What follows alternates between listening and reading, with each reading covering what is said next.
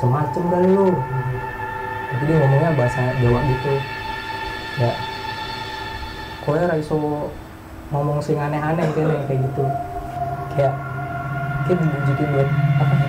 Kayak ditampakin nenek-nenek gitu. Nah di atas kita nggak ada nenek-nenek yang ada di mimpi gua. Gini gini pas di center di batang tuh ada kuntilanak cuy. Kuntilanak tuh lagi kayak gini.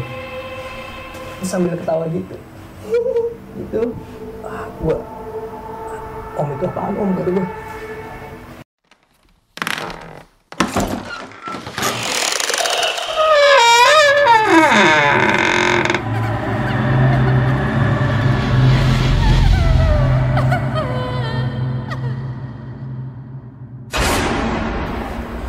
Assalamualaikum warahmatullahi wabarakatuh. Balik lagi di ngobrol.com dengan gue Jambe. Salam Lestari Pada kesempatan kali ini Kita udah sama tim ngobrol.com nih Sama Gilang Apa kabar Lang? alhamdulillah Alhamdulillah Nah si Gilang ini akan menceritakan kisah pendakiannya eh, Tentang Gunung Cerme ya Lang? Gunung Cerme Gunung Cerme Boleh kasih tahu nggak teman-teman Lang? Kisi-kisi lo waktu naik Gunung Cerme tuh kayak gimana sih? singkatnya itu pokoknya di pos apa ya gue lupa ya pokoknya di setiap jalan di setiap posnya gue tuh kayak keja bukan kejatuhan ya kalau dibilang tuh kayak tempelan rambut nenek-nenek gitu. Itu di setiap pos. Terus di pos Batu Lingga gue tuh pas lagi summit tidur ada yang bisikin gue. Tahu nggak bisikinnya gimana? Dia tuh kayak entah ngusir kayak ngusir deh kayak ngomong jangan di sini kayak gitu. Terus ketika pas turun jelas banget gue berlima ngeliat gelang terus banget paling kayak gitu dulu sih Eh, gitu teman-teman kisi-kisi dari si Gilang tentang pendakian di Gunung Cerme. Nah, buat teman-teman jangan lupa subscribe dan komen buat ngobrol.com dan buat teman-teman saran kritiknya terima kasih banyak buat kemajuan ngobrol.com semakin baik lagi ke depannya. Tanpa berlama-lama kita dengar langsung aja ceritanya.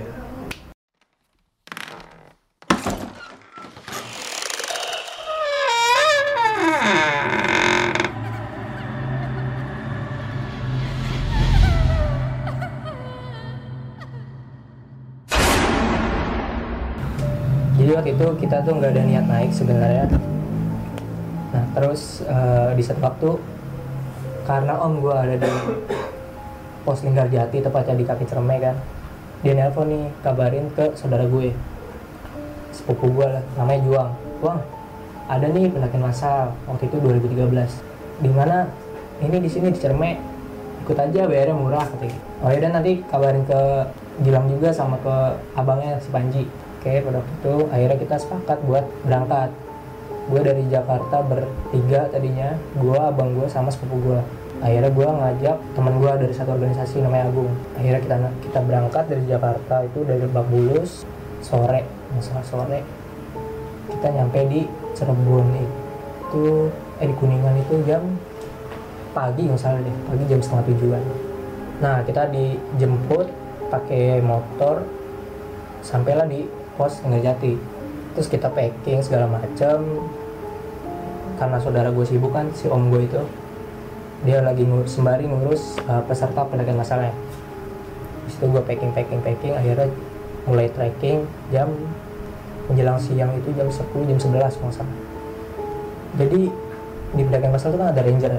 Di situ kita didampingin ranger itu bertujuan kalau nggak salah. Bertujuan akhirnya kita mulai trek itu jam 11 udah tuh jadi kayak dibagi kelompok gitu lah sama mereka. Kita kebe- kebetulan kita kelompok terakhir. Jalan sampai pos Cibunar pos 1 tempat benar-benar tempat terakhir buat ngambil air setahu gua ya. Kita isi air di situ isi dirijen. Kita itu bawa dua dirijen. Akhirnya kita mulai jalan sam terus sampai di pos Condangamis di Condangamis anehnya nih tiba-tiba tuh kayak dirijen gue nggak ada cuy. Kayak tadinya ditenteng mungkin emang tem- si saudara gue lupa naruh atau gimana ya. Enggak kok nggak lupa naruh di tas gue masukin tas semua kok dirijennya. Sisa satu tuh dirijen. Akhirnya gue ditemenin sama ranger buat ngambil air. Ternyata di Condangamis tuh ada mata air cuy. Dan ngambilnya emang lumayan jauh sih gue karena gue ikut kan. Ada deh fotonya nanti gue tempatnya juga nggak terlalu gede kayak sejenis dibilang kobangan bukan juga tapi kayak jalur air juga sih. Di situ ngambil gua ngambil air sembari ngisi aqua aqua yang kosong udah air gue naik. Di situ karena gue baru naik kali ya omongan gue masih nggak ketata lah. Karena omongan gue nggak nggak ketata ya gue ngomong-ngomong kasar loh. Sampai gue tuh anehnya setelah ngomong kasar gue ada aja tuh kayak jatuh. Sampai guling-guling bahkan gue sampai mau ke jurang cuy. Terus kita jalan lagi trek dari Cibulat tuh jam satu siang nggak salah eh di Condang Amis sorry. Dari Condang Amis kita naik lagi. Kita tuh lama banget tuh di jalan tuh. Di Pangalap kita nyampe jam 4 nah jadi yang lihat sih saudara gue sih. Jadi kayak di setiap istirahat menuju Pangalap gue tuh kayak suka geli gitu di sini nih. Nggak tahu kenapa nih. Terus pas eh gue bilang gue takut ada ulet bulu atau apa kan. Di situ kayak ada rambut putih gitu cuy. Banyak. Banyak banget. Habis gue buang nih gue jalan dikit balik lagi ada lagi kayak gitu mulu. Terus pas di mana ya?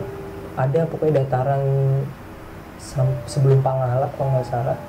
Di situ gue sempet kayak mau tidur ya kan. pas gue pengen tidur ternyata kan apa abang gue tidur juga tuh.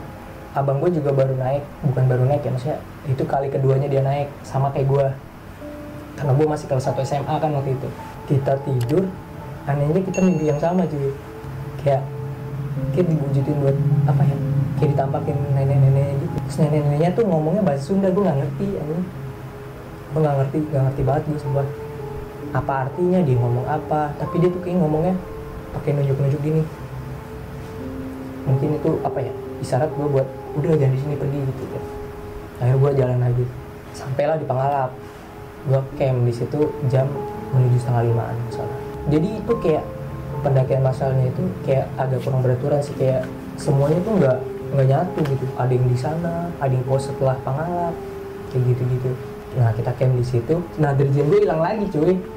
Gue baru yang kata gue bilang ketempelan rambut itu abang gue juga ngerasain. Dia bilang Jul tuh di pundak lu ada rambut juga tuh. Ah apaan sih? Ini digini-gini nama gua kayak lengket tau gak sih? Digini tuh kayak susah copot rambutnya kayak rambut uban uban gitu rambut putih udah tuh cuman gua anehnya cuman gua berdua nih ngerasain. Akhirnya kita bermalam di Pangalap ya karena udah sore juga nggak mungkin buat naik lagi kan? Terus akhirnya uh, di situ ada briefing. Karena mungkin dari pendakian masal ini ngejar waktu juga kan?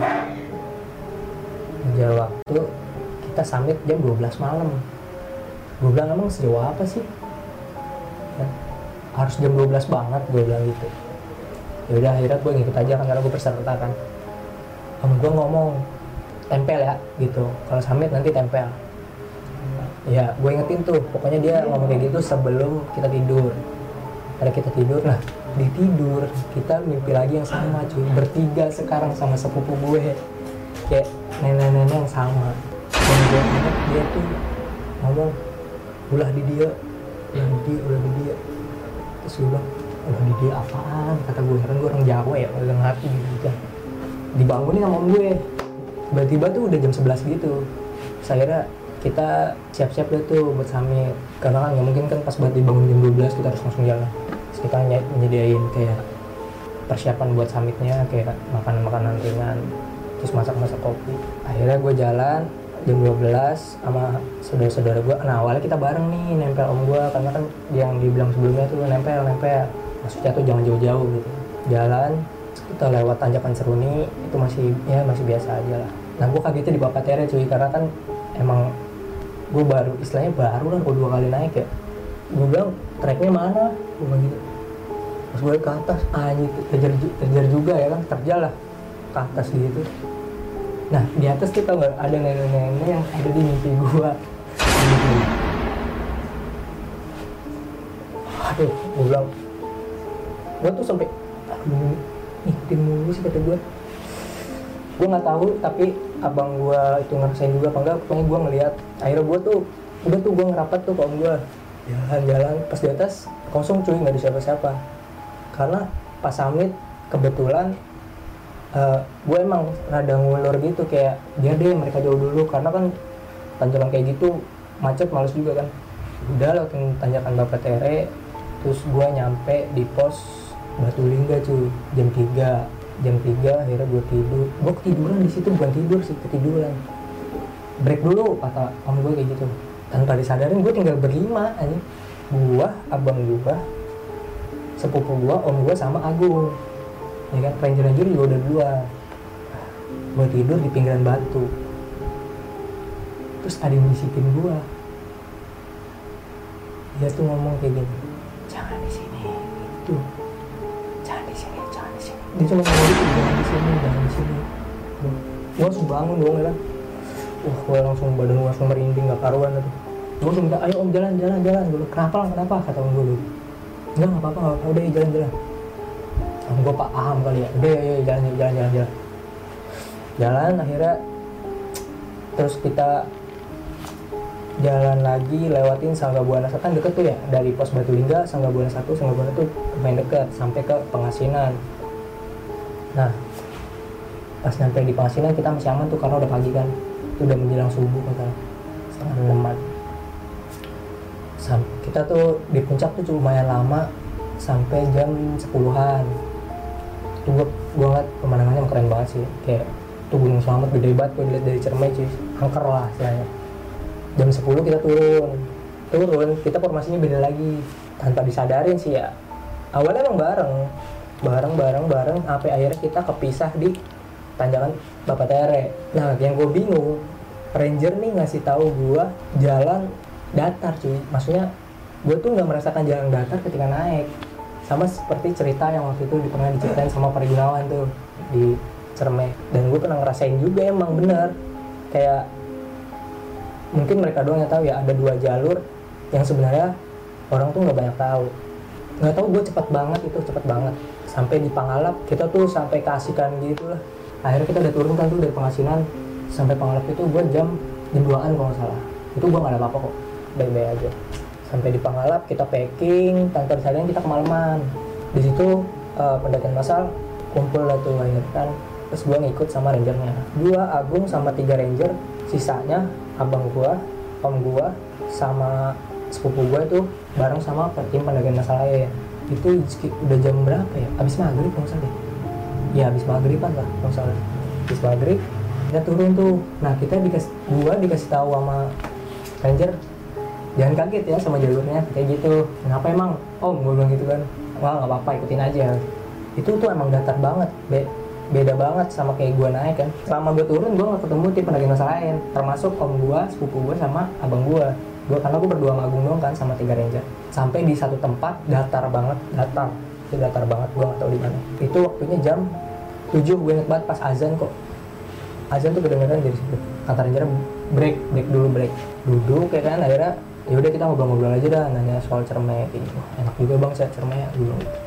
Maksudnya triknya asik lah. Tiba-tiba si Agung nih iseng nih. Tuh abis azan udah selesai ya?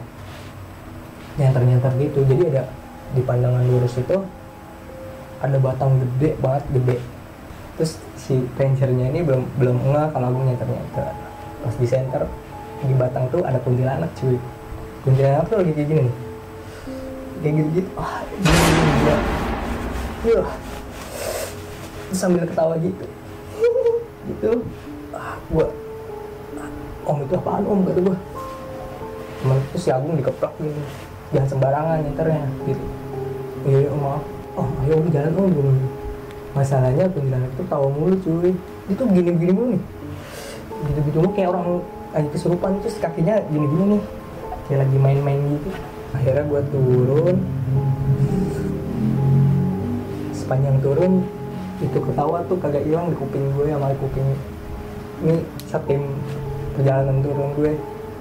Tuh kan kata kata kata gini tuh kan dia ngikutin mulu kan sih di center center katanya gitu.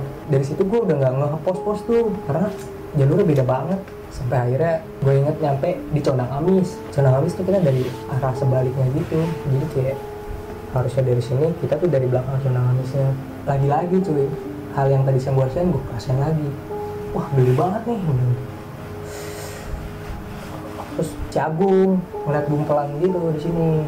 Di leher persis buat sebelah leher. Di bersini wah masih lang nih gitu. Rambut rambut rontok kali rambut tuh gitu. Padahal gue nggak gue kasih tahu dari siang tuh gue udah udah banyak banget kali tetelan rambut itu. Terus gue tanya tuh langsung sama omnya sama si ranger oh gua dari berangkat ketempelan rambut lu kenapa ya? Lu ngomong macem-macem kali lu. Tapi dia ngomongnya bahasa Jawa gitu. Kayak kowe raiso ngomong sing aneh-aneh kayaknya kayak gitu. Ya namanya gimana sih om? Kalau jawab kayak tetap kan sontak ngomong. Gitu kan? Nggak apa-apa tuh tapi juga di bawah nggak kenapa-napa kok. Sampai di bawah aja itu suara kuntilanak tuh masih ada di kuping gue. Sebelum pos Cibunar gue ingat banget itu dia ada lagi cuy sampai di hutan. Kan arah Cibunar itu lewat ini hutan pinus ya. Dia tuh sampai situ itu bau banget bau bau banget. Itu gue rasa tuh deket banget deket. Pas berli gue masih berlima nih. Ternyata tim lain kan di kontak nih sama ranger. Dari mana? Gitu kan. Aman udah nyampe bawah semua. Tinggal kalian aja kata gitu. Gue masih di Cibunar menuju Cibunar bau bang gitu kan. Kayak bau bangke cuy bau banget. Jalan aja jalan jalan gak usah dipikirin gitu. Jalan jalan yang tadi nih pasti nih kata dia gitu. Ada ada aja kayak gitu. Ini udah berapa kali gue bilang jangan ngikut jangan ngikut. Masih ngikut aja katanya gitu. Ternyata emang karena dia ranger ya mungkin udah berapa kali ngantar orang dia udah sering banget digituin. Ya udah akhirnya kan gue karena anak baru kan ya udah gue diem aja tapi emang baunya tuh hilang hilang deh kayak apa ya nyengat gitu sampai ke otak tuh baunya. Sampailah gue di Ibunar gue minum dulu tuh karena kan kita nggak stok air kan. Minum dulu minum dulu minum dulu. Nah terus sampai di bawah gue ketemu om gue tuh akhirnya gue turun kan jam itu udah jam 8 kalau salah deh. Sampai di pos Linggarjati om gue nyamperin. Nah kebetulan om gue tuh sedikit bisa lah kayak gitu-gitu gini-gini nih kenapa lah oh capek banget kayaknya gituin ya. Gue nggak tahu tuh ngapain ya. Udah mandi dulu sana. Mandi mandi. Akhirnya gue cerita cerita tuh apa aja tuh yang gue lihat di situ. Dari kayak rambut nenek-nenek. Ternyata om gue cerita nih pernah ada pendak nyasar gitu. Dan dia berhasil survival berapa hari gitu. Eh, dan dia ketemu nenek-nenek itu. Tapi udah gitu nggak takut cuy. Terus kayak nih kalau pak istirahat jangan di sini jangan di sini. Taunya kayak gitu mulu. Kayak yang tadi gue bilang tuh bahasa Sundanya udah di dia istirahat nah. Sampai akhirnya tuh survivor bisa kembali ke jalur yang benar tuh. Gara-gara nenek itu ternyata. Tapi kalau misalkan karena rambut itu gue kurang tahu tuh. Tapi itu yang serem sih kuntilanak fix. Itu yang paling bener-bener jelas gue lihat di gunung tuh sampai base camp kita ya udah tuh selama itu kita cerita-cerita soal cerme. Dan gue tuh selalu bilang kayak gini ya cerme itu kayak gini. Lu pulang dengan tanpa diganggu aja itu udah hal yang keren banget. Seenggaknya ada beberapa beberapa yang bikin bulu kuduk lu merinding lah. Karena kan dia emang udah berkali-kali sana kan. Dan besok paginya gue siapan buat balik. Tidur tuh gue sampai besoknya lah gue dan akhirnya gue balik paginya ke Jakarta Begitu teman-teman cerita dari Gilang tentang pendakiannya ke Cermet tahun 2013. Nah mungkin eh, sekarang ada yang pinggul tanya dikit, sedikit silang tentang pendakian lu ini. Waktu itu kan pendakian 2013 lu bersama sepupu lu, eh, kakak lu dan om lu ya eh, lewat pendakian massal. Hmm. Nah saat air itu hilang, air itu kan sempat hilang dua kali. Bisa diserahin nggak sih kronologis hilangnya terus eh, bagaimana kok Toto hilang? jadi awal naik kita emang nggak ngisi dari bawah katanya di Cibunar tuh banyak kan ngapain kayak gitu misalkan kita dari bawah pos kan tahun diri pos Ngerjati itu tuh naik dari pos dari ketinggian 600 mdpl naik ke Cibunar tuh enggak emang lumayan nggak jauh banget tapi itu lumayan jalurnya. Jadi kita mutusin buat air di Cibunar. Makanya dirijen itu di- disimpan di dalam tas. Nah sebenarnya nggak dua dirijennya nggak diisi jadi kayak buat cadangan kayak antisipasi nih dari bawah udah setengah dirijen tuh udah diisi. Kata saudara gue dimasukin. Cuman mungkin emang dia teledor itu mah nggak kayaknya nggak ada hal kayak gitu deh. Ya sebenarnya karena ketinggalan aja sebenarnya mungkin ya. mungkin kan emang teledor mungkin ya. Tapi kok bisa dua kali. Tapi bisa dua kali. Kalau sekali mungkin trainer tapi kok bisa dua kali gitu kan ya. Yang eh, dari tadi pin gue tanya ini pertama lu mimpi memang ke temu nenek-nenek itu. Dan yang sebenarnya itu nenek-nenek yang ketemu di pos arah Sono Ngamis Nah, itu kan tiba-tiba di suatu malam itu kan lu mimpi sama nih bertiga. Hmm. Ketemu nenek-nenek itu. Bisa tahu mimpi itu sama ketika lu turun atau memang di sana lu langsung cerita? Jadi pas jadi pas kita tidur sebelum summit yang kita bangun jam 11 itu anehnya kita bangunnya barengan cuy. Hmm. Ngomongnya tuh kayak gue tuh di mimpi gini ngomongnya sama kayak gue dibisikin di batu lingga. Dia ngomong kayak gini. Jangan di sini, jangan di sini, jangan di sini. Sampai lama deket cuy, kan kaget ya. Wah, kita bangun bertiga Dan itu bersamaan. bareng. Lah, ngapa dah gue bilang. Nah, aneh nih, gue bilang aneh nih. Tapi gue nggak nanya karena gue taunya setelah yang gue turun di pos itu. Hmm, baru cerita bareng-bareng. Iya, lu kenapa waktu malam-malam Iya, itu? kok, kok bisa bangun bareng? Gue bilang gitu kan. Gue mimpi ini gitu ya. Iya, Terus akhirnya tahu bareng-bareng ternyata mimpinya sama ya lah. sama.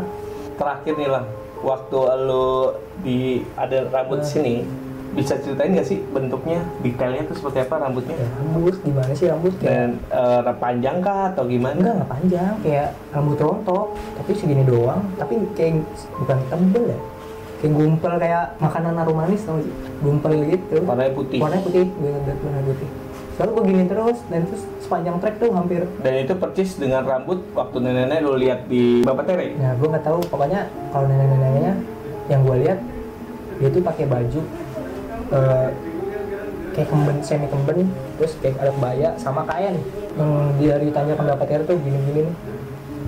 Nah, eh, terakhir nih lah pesan-pesan buat teman-teman di rumah tentang pendakian lu kali ini di Cerme apa sih? Apa yang bisa kita pelajarin nih bareng-bareng? Ya dari yang pertama ketika air hilang mungkin persiapan itu harus lebih matang. Kayak jangan meninggalkan sesuatu yang menurut itu penting apalagi sebuah dirijen gitu kan ya tempat mengisi air. Apa pun itulah kayak entah pisau di atas nggak bisa nggak bisa motong apa apa entah itu jaket entah itu apa. Menurut lo biasa aja padahal itu bisa penting banget. Itu dari manajemennya. Kalau dari pribadi mungkin lebih jaga lisan. Lisan tuh penting banget sih menurut gue kadang beberapa kali gue naik gunung ketika kita salah ngomong hal itu bisa terjadi langsung atau mungkin nanti-nantian. Bukannya nggak terjadi kalau menurut gue. Pasti ada dampaknya ya. Iya. itu bisa langsung lu rasain secara langsung ketika abis lu habis ngomong yang teratur atau ngomong kasar atau mungkin lu ntar nanti nantian nih imbasnya dikumpulin dulu istilahnya. Ya kita kan nggak tahu. Ya pendatang bebe aja lah. Seburuk apa pun kita orang kayak sebenarnya apa pun tuh masih punya iman sih pasti selalu preman kayak lu pasti tahu lah bacaan Bismillahirrahmanirrahim. Alhamdulillah itu pasti tahu kan kayak Al-Fatihah tuh pasti tahu lah. Berdoa lah banyak banyak. Intinya itu sih yang penting itu jaga lisan doa dan nggak macam-macam lah. Udah. Nah, paling gitu teman-teman cerita dari Gilang tentang pendakiannya di Cerme tahun 2013 via Linggarjati. Buat teman-teman di rumah, terima kasih eh, sudah nonton video ini. Jika kalian suka bisa like dan jangan lupa subscribe dan komen dan terima kasih juga saran dan kritiknya buat di ngobrol.com. Semoga ngobrol.com ke depannya makin baik lagi. Stay tune terus di ngobrol.com.